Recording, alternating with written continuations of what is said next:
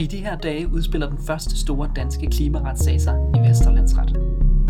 Klimabevægelsen og Dansk Vegetarisk Forening lagde i 2021 sag an mod Danish Crown for at mærke svinekødsprodukter som klimakontrolleret og som mere klimavenligt end du tror. Begrundelsen for sagsanlægget var, at disse mærkninger var vildledende over for forbrugerne og dermed i strid med markedsføringsloven. Udfaldet af retssagen bliver vigtigt for, hvordan fremtidige greenwashing-sager håndteres. Sagen er nemlig vurderet til at være af særlig principiel karakter, og det er også grunden til, at den er blevet sendt direkte fra retten i Randers til Vesterlandsret. Og det bliver ikke mindre vigtigt af, at flere organisationer siden er blevet del af retssagen. De store erhvervsorganisationer Dansk Industri og Landbrug og Fødevare støtter Danish Crown, mens Forbrugerrådet Tænk støtter Klimabevægelsen og Dansk Vegetarisk Forening. Men hvem er Forbrugerrådet Tænk? Hvordan arbejder de med greenwashing? Og hvorfor synes de, at det var vigtigt at gå ind i retssagen mod Danish Crown?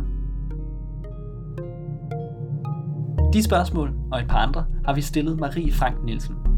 Hun er seniorjurist i Forbrugerrådet Tænk og har overvejet den første del af retssagen mod Danish Crown.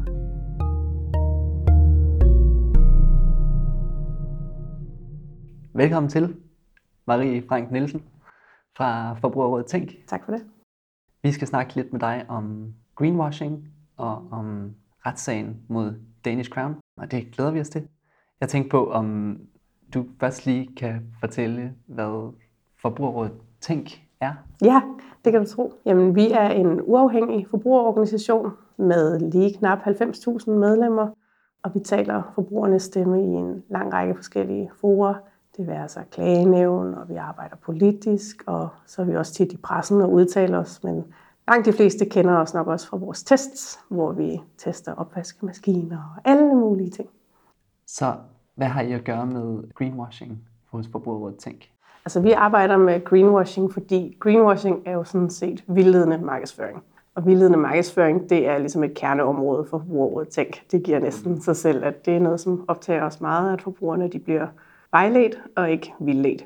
Vi ser så greenwashing som lidt særligt slemt faktisk, fordi vi mener, at det også kan være med til potentielt at stikke en kæp i hjulet for den grønne omstilling.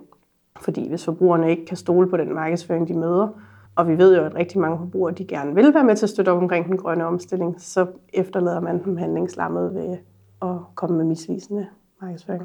Så det er derfor, vi har lidt, lidt ekstra fokus på, på greenwashing, og så har det som en mærkesag.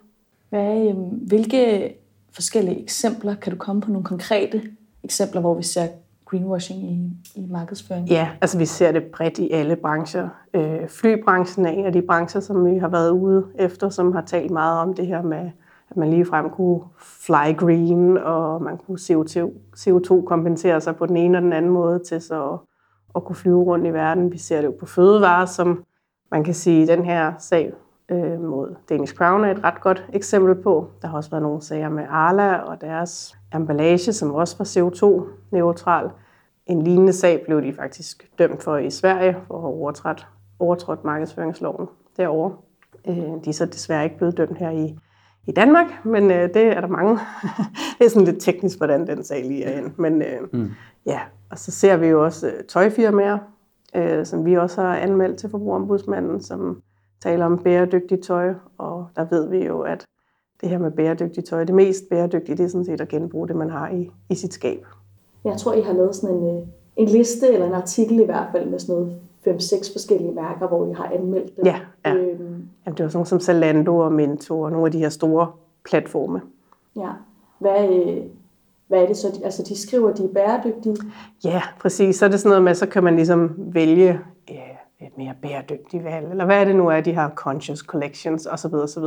Hvor, ja, netop som jeg også nævnte tidligere, det her med, at jamen, det mest bæredygtige valg, det er sådan set at bruge det, du har allerede. Man kan ikke købe sig til bæredygtighed på den måde. Du kan selvfølgelig sagtens tage nogle valg, som er grønnere end andre, men, men det her med, når man bruger de her store ord og floskler, det, det er simpelthen uden indhold, og derfor så, så synes vi, at det er, er greenwashing. Og når det kommer til de her store ord og floskler, som øh, bæredygtighed og hvad kan man sige, CO2-neutral var det vist i Arnes uh. tilfælde. Er der nogen, nogle særlige, kan du nævne, er der sådan tre ord, eller sådan, er der nogle særlige floskler, der, der er særligt slemme. Og bliver særligt... jamen, man hører tit sådan noget, øh, det siger de også i den her Danish Crown sag, sådan noget med, at vi er på en rejse, og rejsen er lang, men vi er godt på vej, og det her med, at man sådan, altså vi er også generelt kritiske over for det her med, at man taler omkring målsætninger, men vi vil jo hellere have, at man ligesom markedsfører sig på, hvad det er, man har opnået, som man konkret kan måle, og som man konkret kan dokumentere. Det synes vi er, er den rigtige vej at gå, fordi det kan der jo ikke være nogen tvivl om, at det er retvisende, når man så kommunikerer det til forbrugerne.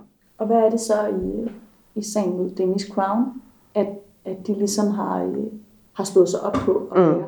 Altså, de lavede den her store kampagne tilbage i, i 2020, som ifølge dem selv var den dyreste kampagne, de nogensinde har lavet, øhm, hvor de markedsførte sig med en hel del, men det, som retssagen drejer sig om, det er det her med at bruge betegnelsen klimakontrolleret gris, som var et mærke, som de satte på øh, ligesom svinekødsprodukterne mm. i køledisken, og så kørte der en kampagne i øvrigt omkring øh, dansk gris er mere klimavenlig, end du tror.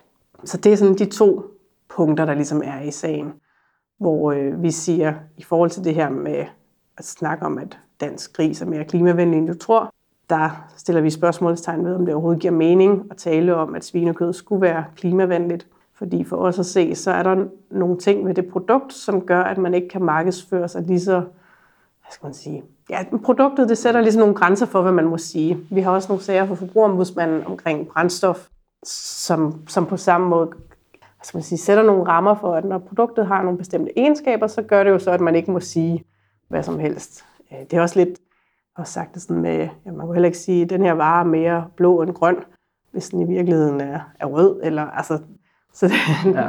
Og så er det det det klimakontrollerede. Og det drejer sig jo så om, at landmændene de kunne tilmelde sig noget, der hedder Klimavejen, hvor de så vil forsøge at omlægge deres produktion. Og det synes vi jo sådan set er rigtig positivt, det her med, at virksomhederne de forsøger at omlægge deres produktion og, og gøre den grønnere, og på den måde støtte op omkring grønne omstilling. Og vi vil også rigtig gerne have, at de fortæller om det, men de skal gøre det på en måde, så det ikke bliver greenwashende. Ja.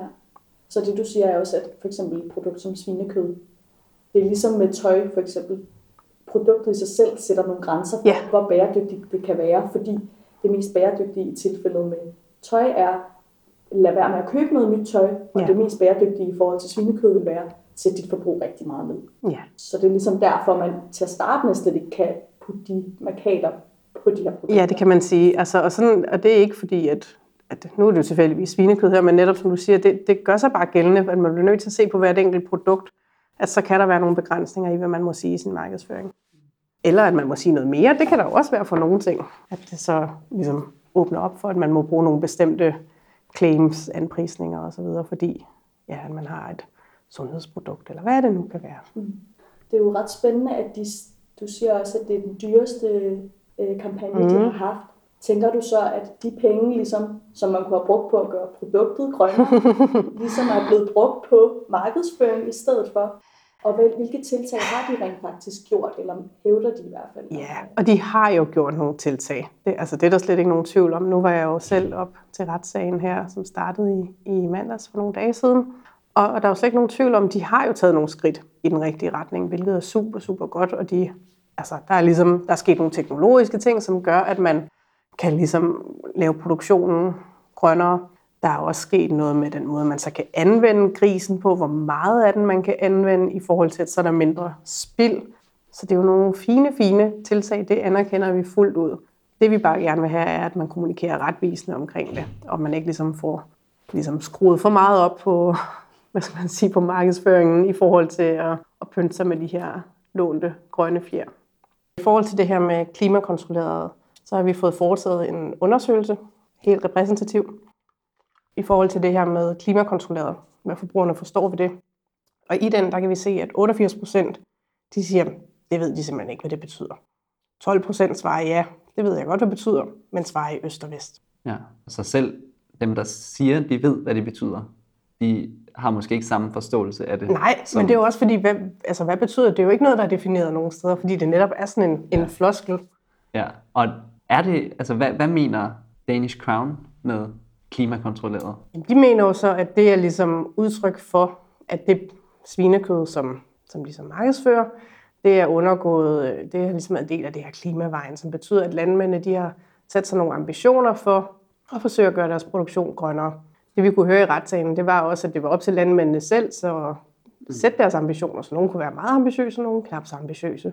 Og en anden ting er så også, at det har vist sig, at øh, 90 procent af det kød, der var i bakkerne, de kom så fra de her såkaldt klimakontrollerede gårde, men 10 procent kom faktisk fra helt traditionelle gårde, som ikke havde tilmeldt sig det her. Og allerede der synes vi også, at der er tale om vildledende ja. markedsføring.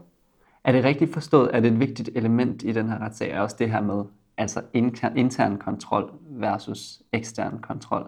Ja, altså det er i hvert fald i forhold til det her med, hvad, hvad er det, man forstår som forbruger ved kontrol. Der, der er jo nok mange, der netop så længer det op, det kan vi også se fra undersøgelsen af, okay, men det er måske noget med noget fødevarekontrol, eller nej, der må være nogle eksterne, der ligesom har været inde og certificere. Det er der også i et vist omfang, men ikke nok til, at vi synes, at, at det er i overensstemmelse med lovgivningen, altså bruge en betegnelse som kontrol. Fordi man forstår som forbruger noget mere ved det, end bare det her med at tilmelde sig klimavejen og nogle ikke bindende målsætninger. Du fortalte før, at, øh, at du var med her, da retssagen begyndte mm-hmm. i mhm. mandags. Ja. Og jeg ved, at du, inden vi startede interviewet, så fortalte du lidt om det. Jeg synes, at det lød, ja, det lød meget spændende. Så vil du ikke lige beskrive, hvordan det var? Jo, altså det var, det var også en stor oplevelse for mig sådan set. Nu øh, til daglig er jeg jo i gåsøjne bare jurist og ikke advokat, så jeg har ikke sådan min, min daglige gang i, i retssalen. Det sidste jeg var der, det var mens jeg læste, hvor jeg var inde og, og overvære nogle, nogle retssager. Men det var meget sådan meget sådan formel stemning, der er næsten som i en kirke, og når dommerne kommer ind, rejser alle sig op, og altså et minut inden retssagen den gik i gang, så var der helt stille inde i det lokale. Altså, der var ikke, du, du kunne høre en, en knap nål falde til jorden der simpelthen. Og dommerne kommer ind, og de har de her kapper på, og ja, alle rejser sig op, og så sætter man sig ned igen, og så går man ligesom i gang med minutiøst at gennemgå materialet. Og jeg vil også sige sådan, Altså, jeg er ikke, jeg er ikke bekymret for retssikkerheden i, i vores samfund. De, de er meget grundige med at gennemgå materialet, der man kan se, at dommerne de lytter opmærksomt til det. Er det så sådan, øh, altså det er bare fordi, jeg ikke ved, hvordan sådan noget foregår. Hvad, hvem starter så med at, at præsentere noget materiale? Altså, øh, så er det øh, dommerne, de siger ligesom, ja, velkommen, eller hvad man skal sige, ikke? Og så er det dem, der så har sagsøgt, som ligesom fremlægger deres side af sagen. Men det var egentlig også sådan, altså sagsøgtes advokat, Danish Crowns advokat, kommer så også med lidt sådan indspil undervejs, når man, man laver det, der hedder en forelæggelse, hvor man så gennemgår materialet og siger, jamen der stod det og det her på pakkerne, og det her og det her stod der på plakaterne, og vi har lavet de her de undersøgelser, men så kunne altså Danish Crowns advokat kunne også bryde ind og sige, kan vi ikke også lige øh, huske at nævne det, der står der? Og der var aldrig sådan, hvor den ene advokat sagde, nej, det kan vi ikke, eller noget. Det var meget sådan kollegialt på den måde også, ikke? At man ligesom man er interesseret i at få oplyst sagen, sådan så dommerne kan tage stilling på et oplyst grundlag. Og du sagde øh, noget om, at, at det du har oplevet derinde, og også dagene efter, fik dig til at føle på en bestemt måde i forhold til, hvor I står, i forhold til, hvor Danish Crown står i ja. den her retssag? Altså, jeg, jeg vil i hvert fald sige, at jeg føler ikke efter de her dage, at, at, at vi har en dårligere sag. Jeg har også bidt mærke i, at Danish Crown har sådan ændret deres retorik lidt i pressen i forhold til, hvordan de, de taler om det. Tidligere var de meget sådan, vi står ved vores kampagne, og vi skal have lov til at sige, hvad vi nu vil, og fortælle om vores tiltag. Og nu er det som om, det er lidt mere defensivt og lidt mere sådan, jamen, øh, vi er bare glade for at få en dom, og vi vil gerne have klare linjer for, hvad vi må og ikke må. Så ja, måske fornemmer de også, at de har en dårlig sag. Det, det vil jo vise sig. Det, det må de hellere selv mm. udtale sig om. Men det, det har bare været min sådan, tolkning af det. Ja. Hvad tænker du, at udfaldet af, af retssagen kommer til at have for fremtidig markedsføring? Jeg tror, det kommer til at have kæmpe betydning. Altså fordi nu, nu drejer det sig jo selvfølgelig om nogle bestemte udsagn og nogle bestemte produkter. Men i det hele taget, så er der bare nogle principper i det i forhold til dokumentation og hvor store ord man må bruge, som man vil kunne overføre på en lang række andre sager også. Ja, for vi har ikke haft så mange af den slags sager i Danmark. Nej, det, det er den første klimaretssag, som vi har haft. Man ser det jo i mange andre lande, ikke bare med, med greenwashing, men i det hele taget, der kører retssager på klimaområdet. Så det, jeg tror, det er noget, vi kommer til at se mere af også fremover. Mm. Så hvis den her retssag falder ud til Danish Crowns fordel, vil det så have betydning for det arbejde, I gør, og den type, den type øh, sager, I beskæftiger mm. med i Forbrugerrådet Tænk? Altså først og fremmest, så tror jeg, at hvis den gør det, så bliver den anket til højesteret. Ja. Og så må højesteret jo så tage stilling. Men jeg vil sige, hvis det viser sig, at man kommer frem til, at det her det var lovligt, så synes vi, der skal kigges på lovgivningen. Det interessante er også her, at der kommer faktisk en del ny lovgivning fra EU på det her område i forhold til greenwashing, hvor det for mig at se er helt klart, at hvis man havde markedsført sig på den måde i forhold til de nye regler, der kommer, så ville der slet ikke være nogen tvivl om, at det var ulovligt. Okay. Så det er jo også lidt interessant det her med, at, at lovgiver ligesom måske har observeret, at der sker nogle ting i markedet, som vi ikke vil tillade, og så bliver man nødt til at regulere det. Mm. Og hvad er det for nogle ting, som EU? Jamen det er, hvor man ligesom går ind øh, og taler omkring bestemte ord. Altså sådan noget med at kalde noget CO2-neutral og bæredygtig, hvor man ligesom siger, at den, den går ikke. Det er stadigvæk øh, i forhandling dernede, men det er det, der er lagt op til. CO2-neutral, det er ligesom det, Arla for eksempel havde Præcis. sig selv på, ikke? Med deres, øh, på deres mælkekartoner. Mm. Vi ved, det er, at øh, 95 procent af de danske forbrugere, de, de synes, at det er vigtigt, at deres varer er produceret ansvarligt. Men det er kun 9 procent, som synes, at det er let at gennemskue, om det så også er tilfældet. Og det siger jo noget om det marked, der er vokset frem. Ikke? At det er, det er nærmest umuligt. Ja, ja. Men det er jo også sådan noget med, at det bliver så subtilt, ikke? Så kommer der en... Så kan man købe et eller andet produkt, der er pakket ind i sådan noget lidt brun papagtig emballage, og så behøver der næsten ikke engang at stå noget på pakningen om, at det er mere grønt, eller om det er... Altså, de der ting, de taler jo med ind. Der er mange signaler i Ja. ja. grøn markedsføring, Ja. som ikke er- har en så konkret, øh, ikke er bundet op i konkrete begreber. Øh, Vi har lige lavet en anmeldelse også af sådan nogle vaskeark. Kender I dem? Nej, jamen, det er det helt nye, hvis du vil redde verden. Siger jeg her meget ironisk. Det håber jeg, man kan høre. ingen høre. Øh, det er, at øh, i stedet for, at man ligesom bruger det traditionelle vaskemiddel, så kan man købe sådan nogle ark, som man så putter ind i maskinen, og så har man jo ikke sin dunke og så videre. Det lyder jo sådan set meget godt. Det ene problem med dem er, at de ikke virker. Vi har testet dem, de vasker simpelthen ikke rent. Så man kan sige, altså de, de vasker lige så godt som vand. Så hvis man ligesom synes, at man ikke vil bruge vaskemiddel, så er det jo et færre valg, men så skal man bare lade være med at bruge vaskemiddel. Så skal man ikke bruge de her ark. Man skal i hvert fald ikke tro, at man så får renere tøj. Og der kan man sige, at hvis tøjet så ikke bliver renere, er det så egentlig bæredygtigt, fordi så skal man måske skifte det ud. Og, altså, nå.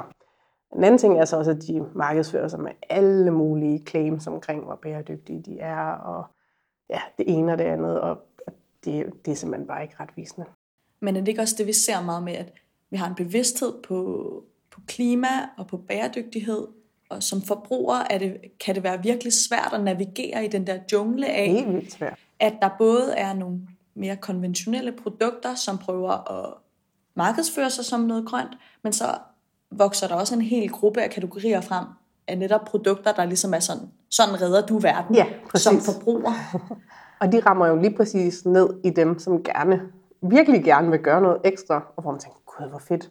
Vi har også haft en tidligere med sæbebær og vaskeæg. Jeg har selv købt et vaskeæg og tænkt, det var da fantastisk, hvis jeg bare kunne lige skifte det ud, og så, så var jeg med til at, at, at gøre det godt. Det er, det er desværre bare ikke øh, tilfældet. Altså. Nej, nej, nej.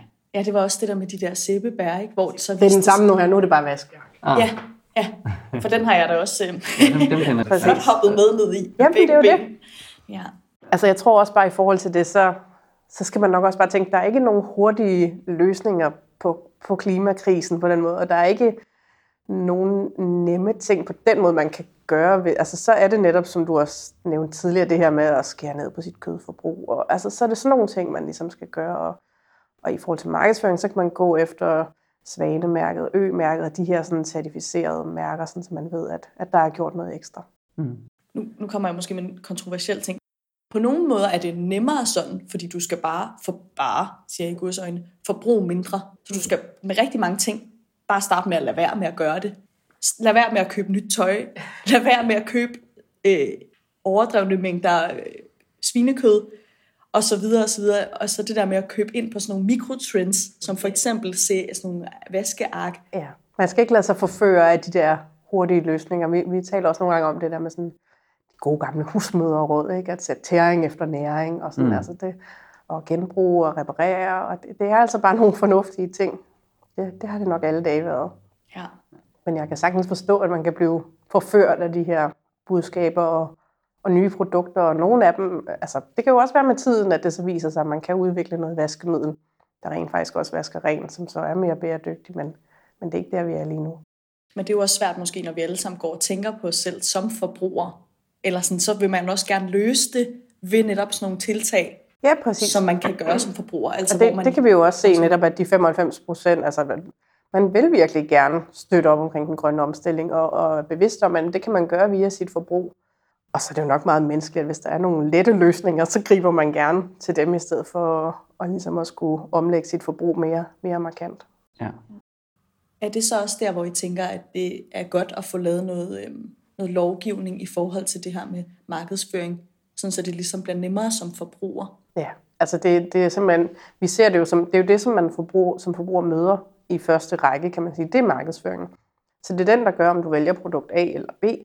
Og hvis den markedsføring ikke er retvisende, jamen, hvordan skal man så vide, om, om den ene pakke svinekød er bedre end den anden?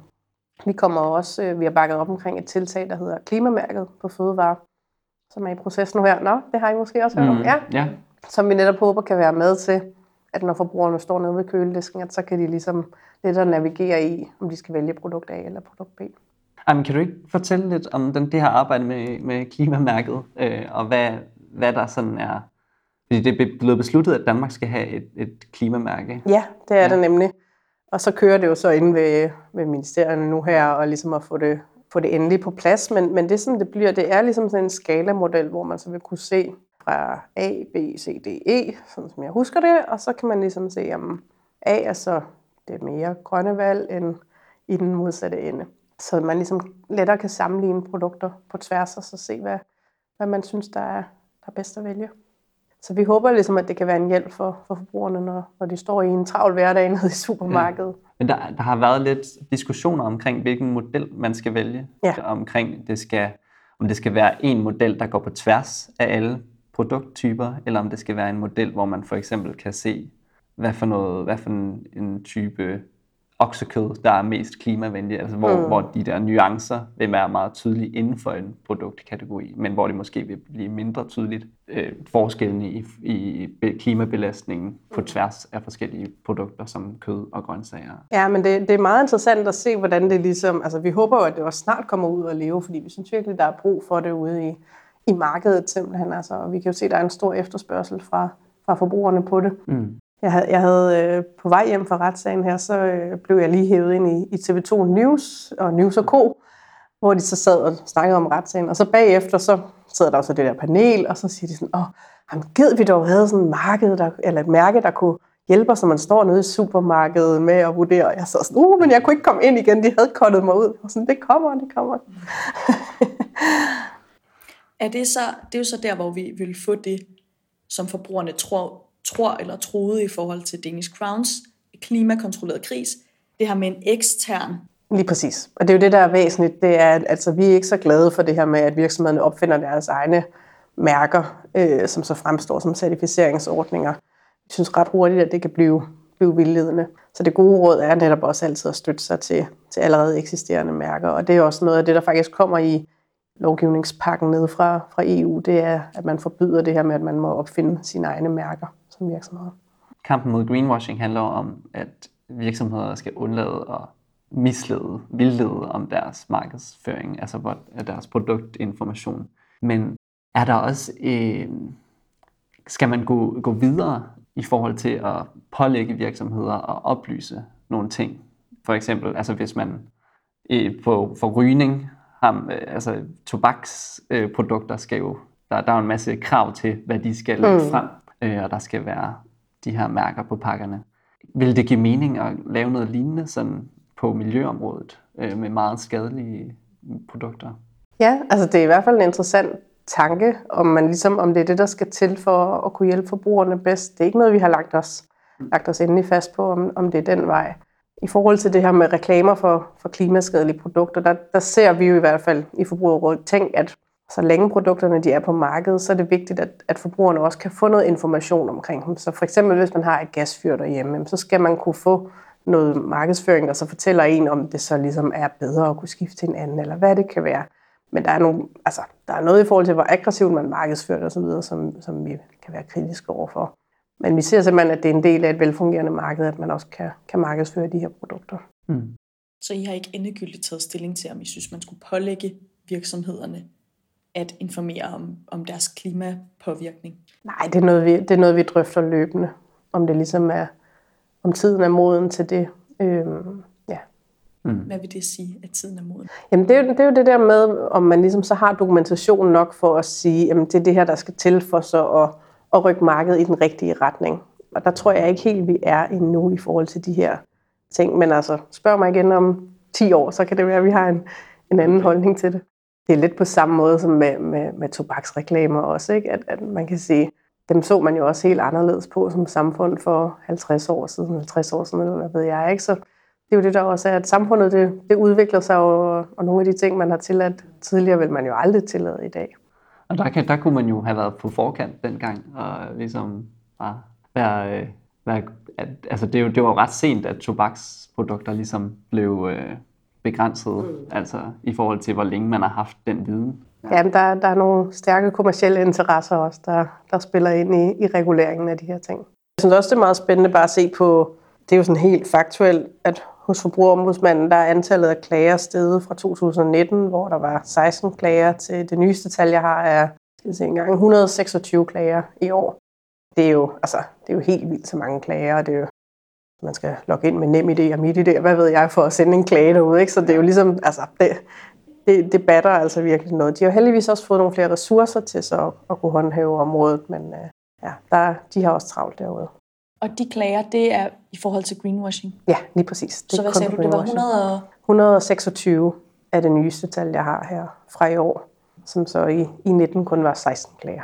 Tror du, det svares, eller kan du sige noget om i forhold til, om det hænger sammen med, hvor meget mere der så i godsøjne bliver greenwashed nu i forhold til 2019? Mm, ja, det tror jeg, der er en sammenhæng mellem. At, øh, at, at det er jo noget, som virksomhederne også ved. Altså, de ved jo, at, at det er vigtigt for forbrugerne, så derfor så kommer der også mere og mere markedsføring, som så er mere grøn. Ja, det er jo i forbindelse med, at der er kommet det her direktivforslag omkring green claims fra, fra EU-kommissionen. Og der har de så også været ude at se på, hvad der foregår i markedet. Det er så på EU-plan, så ikke kun specifikt for Danmark. Men der anslår de, at mere end 50 procent af de grønne påstande, som bliver fremført inden for EU, de enten er vage, vildledende eller ubegrundede. Og 40 procent er udokumenteret. Det er nogle rigtig høje tal. Ja.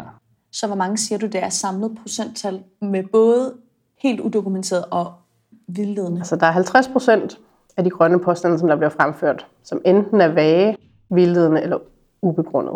Og så er der 40 procent, som er udokumenteret. Så det er kun 10 procent, der måske rent faktisk... Altså, Nej, jeg tror, de, de ligesom... De kan overlappe. Ja, de okay. kan overlappe, ja. Okay. Lov, ja. kan både være meget vildledende og helt udokumenteret. Præcis. Ja, selvfølgelig. Og, og en påstand kan også være vag, ikke? Altså, det, det jo, er ligesom, det er der er lidt mere elastik i, ja. i det. Ja. Men, men man kan sige, at det, at der er 40 procent, der er udokumenteret, det, det er jo i hvert fald meget, meget kritisk. Ja, hvor man kan sige, at, at, at det, det, ja, ja, og det, at det er jo et, hvad hedder sådan noget, det er jo det, er jo det der er hele det grundlæggende for, når du markedsfører dig, det er, at du skal kunne dokumentere dine påstande. Mm. Ja. Ja, så er det også vigtigt, at der er nogle instanser, der kan, kan håndhæve, at det faktisk sker. For det er klart fra virksomhedernes, altså de har jo bare en kommersiel interesse, og de ved, at sådan nogle ord som CO2-neutral og bæredygtig, det, det, det, kan man hurtigt lade, det kan man hurtigt lade sig forføre af. Ja. Men det skader jo også altså markedet for dem, der så rent faktisk gør det godt, fordi der er jo også virksomheder, der, der gør det godt derude. Men, men de bliver jo ligesom også fanget i det her med, at hvis forbrugerne mister tilliden til markedet, så for dem, der rent faktisk skriver de rigtige ting, det kan vi også se i vores undersøgelser, at, at når, hvis du møder det og det her udtryk i markedsføring, hvad tænker du så? Så er der flere og flere, der skriver, det er greenwashing, så det tillægger ikke nogen værdi. Mm. Men det kan jo rent faktisk godt være, det er sandt. Og det er derfor, det også er så væsentligt, både for forbrugerne, men også for virksomhederne og markedet i det hele taget, at, øh, at der bliver taget hånd omkring det her problem. Ja, det er godt nok nogle vilde tal. jeg tænkte, måske, jeg ved ikke, om det er noget, du kan svare på, men sådan helt generelt, har du så tillid til, at sådan retssystemet kan håndtere øh, det her sådan på sigt, det her problem med greenwashing, fordi du siger, forbrugerombudsmanden har fået flere ressourcer, samtidig så er det som om, det også lidt eksploderer med klager, øh, så det er et stort problem. Altså overordnet set, så synes vi jo, at det her skal håndteres af myndighederne i første omgang. Det her med at skride til retssager, det skal være undtagelsen. Mm. Fordi det er bare et tungere system, og det tager ligesom længere tid at komme igennem. Og i den tid, der så går, kan vildledningen jo så sådan set fortsætte. Så derfor er det så vigtigt, at, at myndighederne de ligesom har mulighed for at, at reagere hurtigt og har tilstrækkelige ressourcer til det. Så tror jeg, at vi nåede omkring det, ja, det væsentlige. Altid. Og, ja, tusind tak, fordi du vil være med. Jamen tak, fordi jeg måtte være med. Tak for din tid.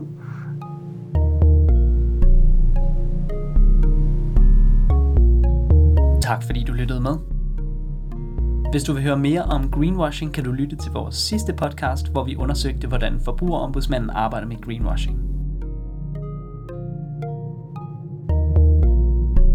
I det her afsnit interviewede vi Marie Frank Nielsen, som er seniorjurist hos Forbrugerrådet Tænk. Interview af Vibeke Rugård Christensen og Jonathan Krause Jensen. Klipning og musik af Markus Skjold. Tilrettelæggelse af Nina Buk Hesthaven, Vibeke, Jonathan og Markus.